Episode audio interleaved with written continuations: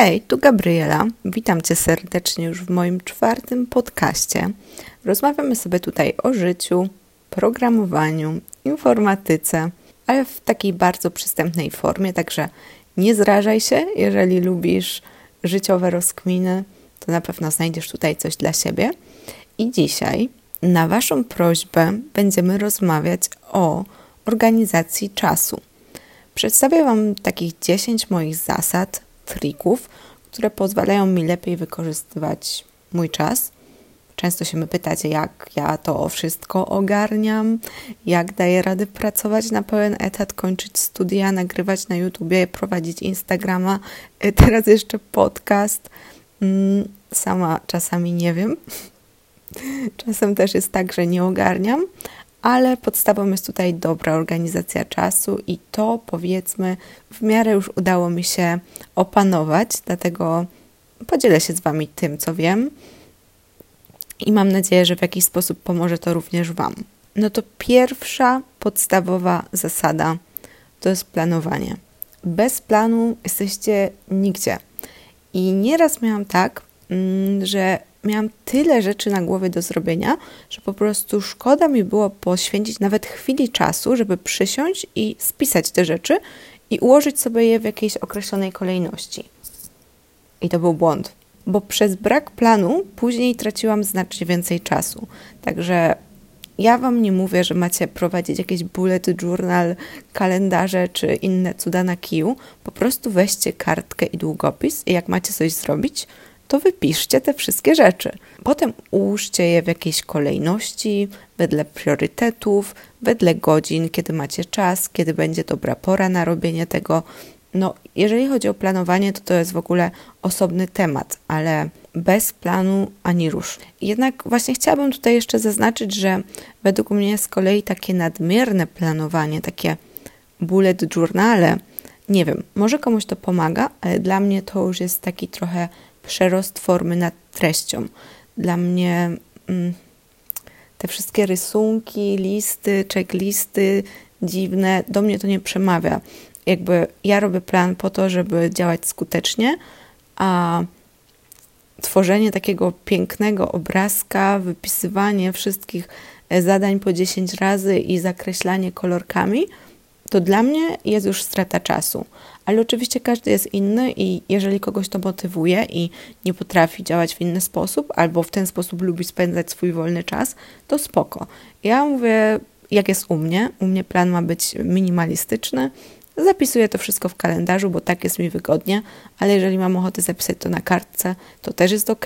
Jeżeli e, nie chce mi się sięgać po kartkę, to zapisuję plan w telefonie, po prostu na tym, co mam pod ręką. To ma być narzędzie i mam służyć Wam, Dlatego to, jak planować, to mówię, no to jest e, osobny temat w ogóle, ale musicie znaleźć optymalny sposób dla Was. Tak, żeby nie tracić za dużo czasu, ale żeby jednak te zadania były, były e, dość dokładnie rozpisane. Chcę nagrać Wam osobny odcinek o progestynacji. Mam nadzieję, że się nie przejęzyczyłam. Mam problem z takimi trudnymi słowami, nie ukrywam, e, ale mogę tutaj już dzisiaj wspomnieć, że w momentach, gdy nie robiłam tego, co powinnam robić, po dłuższym zastanawianiu się, to finalnie okazywało się, że po prostu nie miałam konkretnego planu. Widziałam tylko dużą rzecz, która jest do zrobienia, i tak naprawdę nie wiedziałam, od której strony do niej podejść. A w momencie, gdy rozbiłam ją na mniejsze części, wiecie, takie zjadanie słonia po kawałku, to wtedy te malutkie zadania już nie były takie bolesne, już tak nie podchodziłam do tego. I później się okazywało, że ta robota szła znacznie szybciej. Więc to też jest e, dla Was taka rada, jeżeli odkładacie coś, to znaczy, że jest dla Was za duże i trzeba to po prostu podzielić. I takie malutkie kawałeczki znacznie łatwiej wchodzą. Moja druga zasada to jest wizualizacja. To znaczy, wiem, brzmi to dość mistycznie, ale chodzi mi po prostu o to, że ja jak najwięcej planuję sobie w głowie. I to jest trochę co innego niż takie planowanie, o którym mówiłam Wam w pierwszym podpunkcie. Chodzi mi już o dokładną wizualizację tego, co będę robiła. Na przykładzie e, załóżmy jakiegoś przepisu i później zdjęć. Mm, to im więcej roboty wykonam, idąc z pracy do domu, wiecie, e, wymyślę sobie ten przepis, wymyślę jak chcę, żeby smakował, wymyślę jak chcę, żeby on wyglądał, wymyślę co ma być na zdjęciu, ja, nawet na jakim będzie talerzu, to potem przychodzę do domu i robota jest prosta, po prostu e, robię. Tak? To, co było w mojej głowie, po prostu robię. Bo kiedyś to trzeba przemyśleć, tak? I właśnie pytanie jest, kiedy to zrobicie? Czy już idąc sobie po prostu na luzie, czy dopiero zabierając się za tą robotę? Bo jak zaczniecie myśleć dopiero zabierając się za robotę, no to ta robota się automatycznie wydłuży, tak? No bo pewnych procesów nie skrócimy. Po prostu będziemy o tym myśleć wtedy. Więc skoro i tak dużo spaceruję, skoro dużo biegam, to wychodzę z założenia, że w tym czasie mogę przemyśleć sobie wiele rzeczy. I to ma nie tylko taki plus, że oszczędzamy w ten sposób kupę czasu, naprawdę kupę, ale chyba nawet ważniejsze jest to, że potem nie robicie sobie w głowie wymówek. Mm, po prostu myśląc o czymś tak intensywnie, ja wchodzę do domu i robię to, co mam zrobić, bo ja już po prostu nie dyskutuję z samą sobą, czy mnie się to chce robić, czy nie. Jakby mój mózg już załapał, że to będzie robione, decyzja już została podjęta i w ogóle nie myślę, czy mi się chce, czy nie. No i ja Wam tutaj powiedziałam na przykładzie mm, tworzenia przepisu na Instagram, ale to samo y, tyczy się na przykład nauki, że już idąc y, do domu, mogę sobie myśleć, jak ja tą naukę podzielę czego będę się dziś uczyć, w jaki sposób i im więcej o tym myślę, tym później to bardziej wchodzi mi w krew i no tak jak Wam mówię, po prostu potem już jest naturalne, po prostu to robię i nie tracę czasu chociażby na podejmowanie tej decyzji. Mam konkretne rzeczy, które mam zrobić i tyle. Trzeci krok był dla mnie bardzo, bardzo przełomowy. I chodzi w nim o to, żeby przestać być zajętym dla bycia zajętym. Sama do końca nie wiem, z czego to się u mnie wzięło. Chyba trochę z tego, że nie lubię nudy i za wszelką cenę chciałam jej uniknąć. Mm. W ogóle złapałam się na czymś takim, jak byłam na moim pierwszym stażu, no to nie było tam za dużo roboty. A że ja właśnie nie znoszę nudy, to weszło mi w krew takie jakieś dziwne zachowanie takiej wolnej, ślimaczej pracy.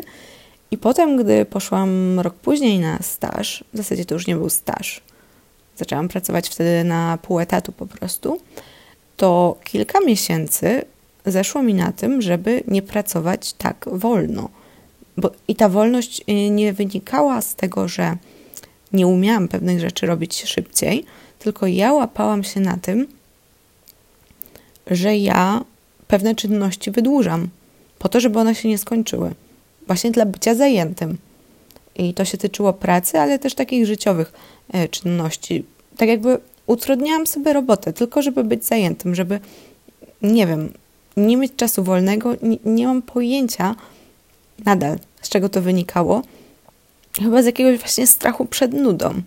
Ale teraz już tak nie mam, całe szczęście po prostu musicie się zastanowić, czy w tym momencie robicie coś, co jest ważne i faktycznie mm, przynosi Wam jakiś zysk, czy po prostu robicie coś, żeby być y, zajętym.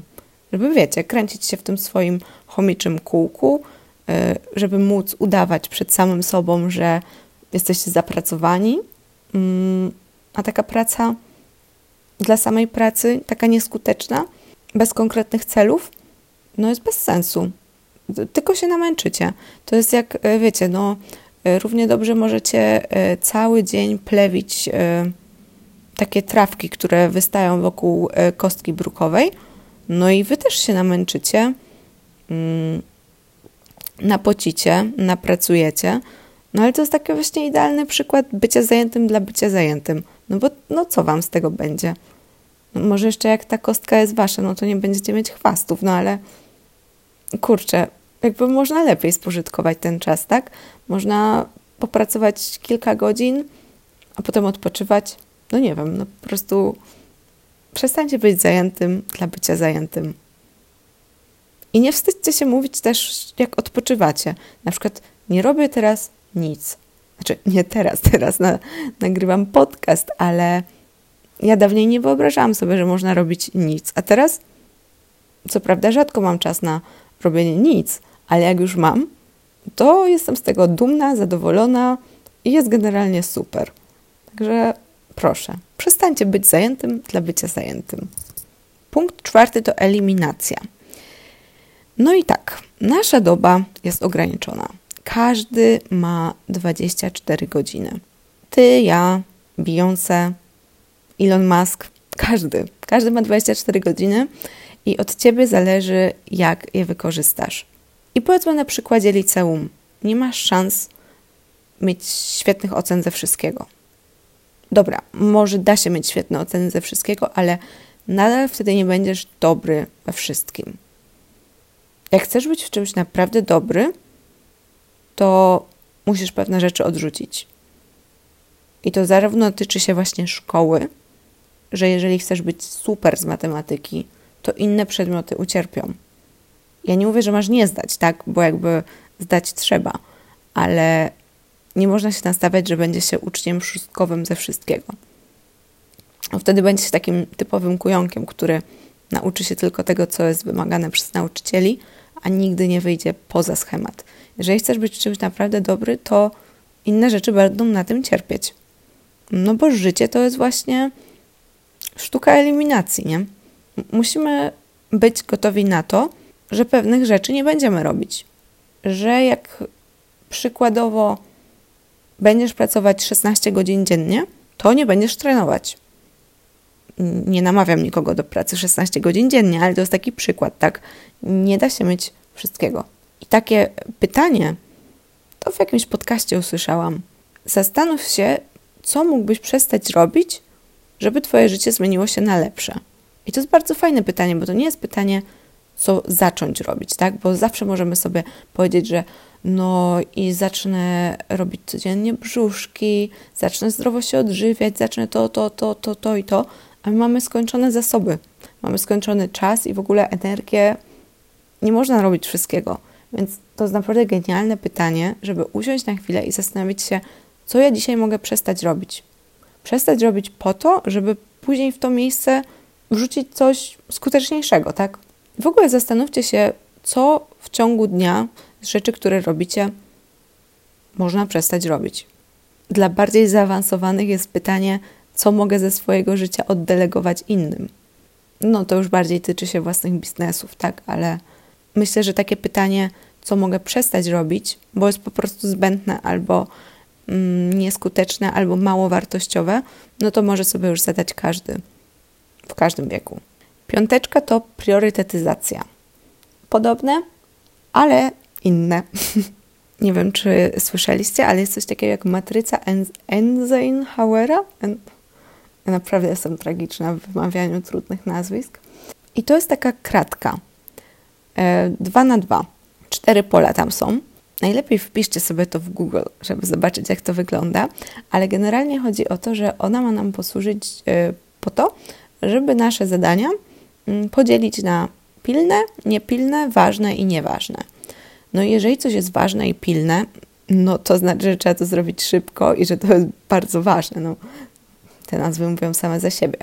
Jeżeli coś jest ważne, ale nie pilne, no to trzeba to gdzieś zapisać, żeby na pewno o tym nie zapomnieć, ale niekoniecznie musimy to robić teraz.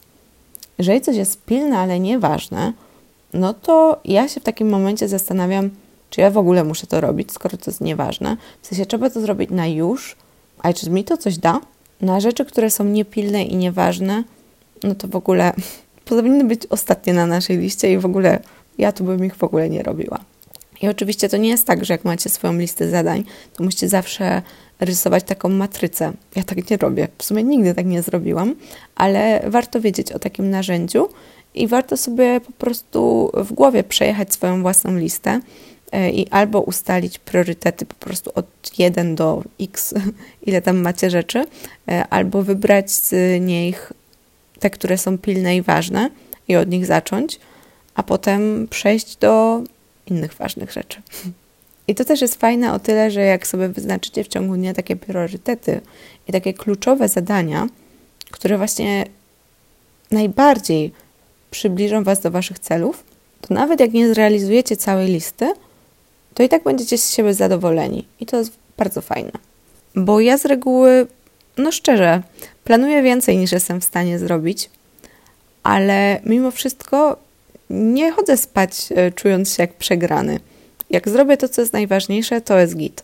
A to, że tam było więcej jakichś drobnych zadań i ja ich nie wykonałam, to jest okej. Okay. Zrobię je po prostu jutro i nic się nie stanie. Nie, nie zadręczam się tym. Ale te kluczowe mają być zrobione. Sześć to jest zasada parzy. I to nie jest moja własna nazwa, ja to gdzieś usłyszałam, podchwyciłam to od kogoś, ale to jest bardzo fajna zasada. Chodzi o to, że wyobrażamy sobie, jak zaczynamy coś robić, że możemy to zrobić tylko raz. Za drugim razem to już będzie parzyło. I o co tutaj chodzi? Na przykład, jak otwieracie skrzynkę mailową, to po to, żeby odpisać na maile, a nie żeby popatrzeć na maile i stwierdzić: O, jakie fajne maile. W sumie to nie chcę mi się na nie teraz odpisywać. Zrobię to potem. Nie, nie, nie. Potem nie możesz tego zrobić, bo potem te maile już parzą. Jak w danym momencie nie masz czasu odpisywać na maile, to ty nie wchodź po prostu na tą skrzynkę tracić czas, bo, bo, bo, po co oglądać sobie maile? No to jest totalnie bez sensu. Także jak za coś się zabieramy, to po prostu to robimy od początku do końca. No chyba, że to jest jakieś gigantyczne zadanie, no to dzielimy sobie je na mniejsze części, jasne, ale to się bardziej tyczy właśnie takich drobnic. No, że na przykład nie zaczynasz sprzątać kuchni i w połowie stwierdzasz, a to potem. No, no to jest totalnie bez sensu. Albo masz czas i chęci na robienie tego tu i teraz, albo nie. Bo inaczej to jest po prostu strata czasu. No to się łatwo mówi, ale o, to nie jest tak łatwo wcielić w życie, muszę Wam powiedzieć. No ale warto mieć to gdzieś z tyłu głowy i się starać. Kolejna taka zasada to jest zasada 5 minut. I chodzi o to, że jeżeli coś zajmie Wam mniej niż 5 minut, to po prostu weźcie i zróbcie to od razu. I tak, tak, tak, oczywiście, że są od tego wyjątki. No, na przykład ja rano mam priorytet wyjść z domu i jak najszybciej zacząć pracować. I jeżeli jakieś ubrania leżą nieposkładane i zajęłoby mi to 5 minut, to ja rano tego nie będę robić. Ale we wszystkich innych przypadkach, jak już jestem po południu, po pracy, to jak coś leży i schowanie tego, to nawet nie trwa 5 minut, to trwa 30 sekund, to po prostu trzeba to zrobić od razu. Jak e, jakiś e, mail jest prosty do odpisania, to nie ma sensu zapisywać sobie w liście zadań odpisz na tego maila, bo to zajmie Ci dłużej niż odpisanie na tego maila prawdopodobnie, więc no come on, jaki to ma sens? W ten sposób się tylko wydłuża czas poświęcony na dane zadanie. Ósemeczka jest o tym, jak ja widzę czas generalnie. Ja sobie zawsze wyobrażam taki słoik. Wyobraźcie sobie taki wielki słoik i będziemy do niego wrzucać różne rzeczy. I wyobraźcie sobie najpierw, że wrzucamy takie duże kuleczki, jak e, z basenu dla dzieci. Wiecie, są takie zjeżdżalnie i się zjeżdża do takich kuleczek. Do, do tego dużego słoika wrzucacie najpierw te duże kuleczki. No i w pewnym momencie te kuleczki już się nie mieszczą. To nie znaczy wcale, że słoik jest pełny. Bo teraz na przykład możecie sobie wziąć piłeczki do ping-ponga i zacząć je tam wrzucać, trochę tam pokręcić, potrząsnąć i wejdą, nie? A wydawało wam się, że słoik jest pełny. Potem sobie, nie wiem, weźmiemy żwirek, nasypiemy tam żwirek, taki duży żwirek. No i też znowu słoik był pełny, a kurczę, jeszcze coś się zmieściło. A na sam koniec możemy, nie wiem, zalać go wodą. I też już był, trzy razy już był pełny, a jeszcze woda weszła. No i teraz już jest totalnie pełny. I nie polecam aż tak wypełniać swojej doby, ale bije do tego, że czasami jesteśmy totalnie wypruci i nie ma szans, żebyśmy dłużej się uczyli, powiedzmy dzisiaj. Ale to nie znaczy, że mamy leżeć na kanapie, bo na przykład bieganko się jeszcze zmieści, tak? Bo dzisiaj za dużo się nie ruszaliśmy. I mimo, że nam się wydaje, że to już jest koniec naszych możliwości, to często znaczy, że to jest tylko koniec możliwości w danej dziedzinie, tak? Że jeszcze inne rzeczy się zmieszczą. A jak już sobie pobiegacie, no to też myślicie pewnie, że no to teraz można się położyć na sofie. Można, jasne, że można, to może potem jeszcze uda Wam się przygotować sobie posiłki na drugi dzień, bo to jest zupełnie inna czynność, wymaga innych zasobów i naprawdę bardzo często jest tak, że ja już czułam, że jestem out, totalnie out, a to był out, ale w jednej dziedzinie. I to nie jest do końca przyjemne tak się upychać pod kurek. Trzeba sobie zostawić w ciągu dnia trochę luzu, no ale jednak warto mieć e, na uwadze to, że czasami jak czujemy się totalnie już zużyci, to tak naprawdę jesteśmy tylko zużyci w pewnym obrębie. Pewne nasze zasoby się zużyły faktycznie, ale może inne pozostają jeszcze wolne. Dziewiąty punkt e, tyczy się poznania siebie, e, swoich możliwości. Warto obserwować siebie, swój organizm. W jakich godzinach jesteście najbardziej produktywni? W jakich godzinach dobrze Wam się robi sport? W jakich dobrze się uczy? W jakich dobrze się Wam pracuje? E, w jakich dobrze się Wam pracuje kreatywnie, jeżeli pracujecie i tak, i tak.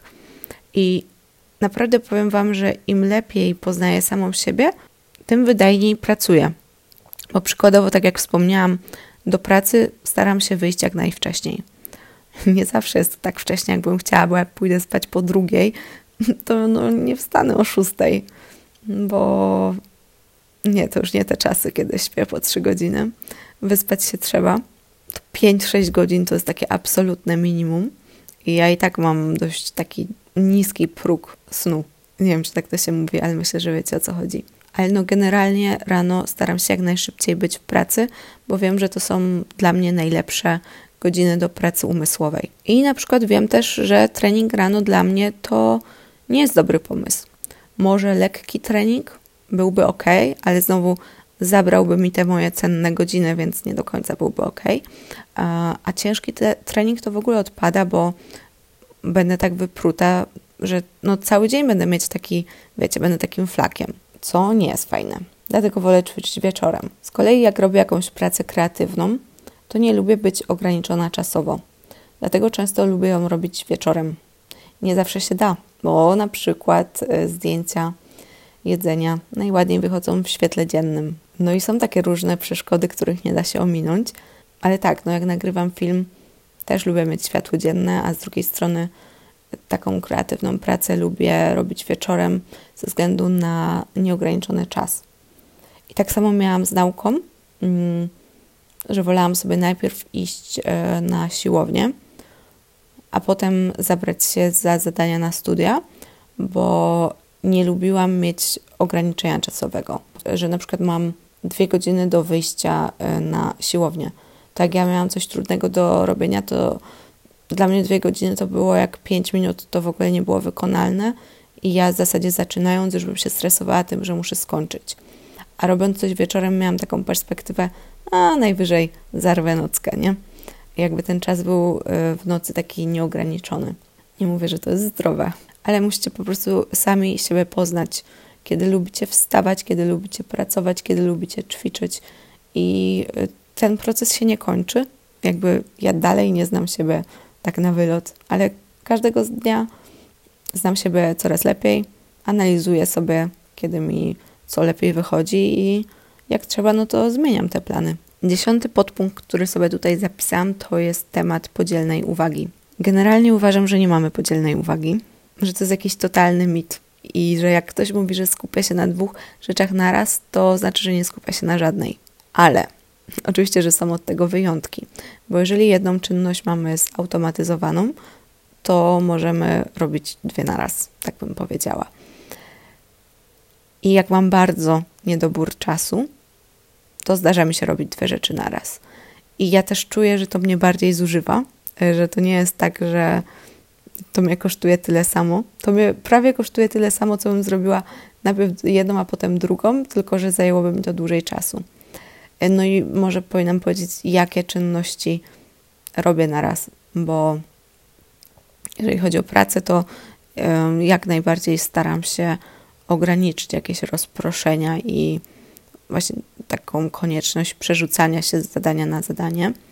Ale na przykład jak przerabiam film, a mam ochotę y, pooglądać sobie coś i mam taką po prostu potrzebę poobijania się, to oglądam sobie jakieś głupotki na YouTubie, a w tym czasie tnę y, wideo, mm, bo po ścieżce dźwiękowej można zobaczyć, y, gdzie na przykład się zawieszałam i za długo myślałam. I w ten sposób sobie przygotowywuję film do przerabiania. A z jednej strony odprężam się i słucham jakichś głupotek, a potem już wyłączam YouTube'a, no i przysiadam po prostu do tego, żeby ten film obejrzeć od początku do końca i dociąć jakieś tam jeszcze inne niepotrzebne rzeczy, nałożyć, wiecie, jakieś przebitki i tego typu sprawy. No, dru przykład drugiej rzeczy, którą robię naraz, no to na przykład gotuję i słucham podcastu, bo gotowanie czy sprzątanie to są takie czynności raczej zautomatyzowane, że po prostu przekładacie rękami jakieś proste rzeczy. Ale nie słucham podcastu, gdy tak pracuję bardziej koncepcyjnie, że jeszcze na przykład nie wiem, jak ten przepis ma wyglądać. Nie mam takiego konkretnego planu w głowie. Eksperymentuję w kuchni, to wtedy ja potrzebuję się skupić na tych eksperymentach i wtedy już nie dzielę swojej uwagi. Czyli reasumując, dzielę swoją uwagę tylko wtedy, gdy y, jedna czynność jest taka bardzo automatyczna, taka, wiecie, jakbym była robotem, nie? Że ciało pracuje, a, a głowa może być tylko w jednym miejscu. O, myślę, że do tego to się sprowadza. To jest już wszystko, co dzisiaj dla Was przygotowałam. Mam nadzieję, że jakoś się Wam to przyda. Dajcie mi znać, jak e, wcielicie coś w życie i zacznie przynosić pozytywne efekty. Znaczy, jak zacznie negatywne, to, to też dajcie znać, to chętnie pogadam, bo wiecie, to, że coś działa na mnie, nie znaczy, że będzie działało na Was. Jeżeli uważacie, że ten podcast y, jest wartościowy i wnosi coś do Waszego życia, no to będzie mi bardzo miło, jeżeli go udostępnicie, albo zostawicie mi recenzję, bo wtedy będziemy mogli dotrzeć do jeszcze większej ilości osób. No. I klasycznie odsyłam Was też y, na mojego Instagrama, do sklepu po e-booki. No i widzimy się już za tydzień. Cześć.